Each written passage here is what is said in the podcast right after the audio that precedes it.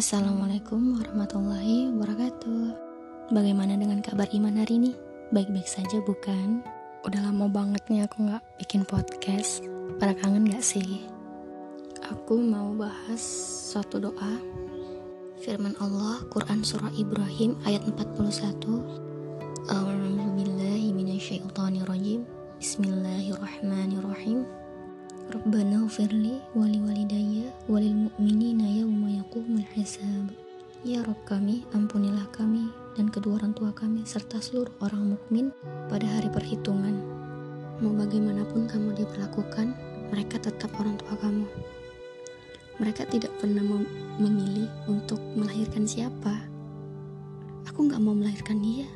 Aku gak mau melahirkan anak sebandel kamu. Gak pernah. Karena kita sudah dipilih Jangan pernah bosan untuk berdoa, meski doanya itu-itu aja.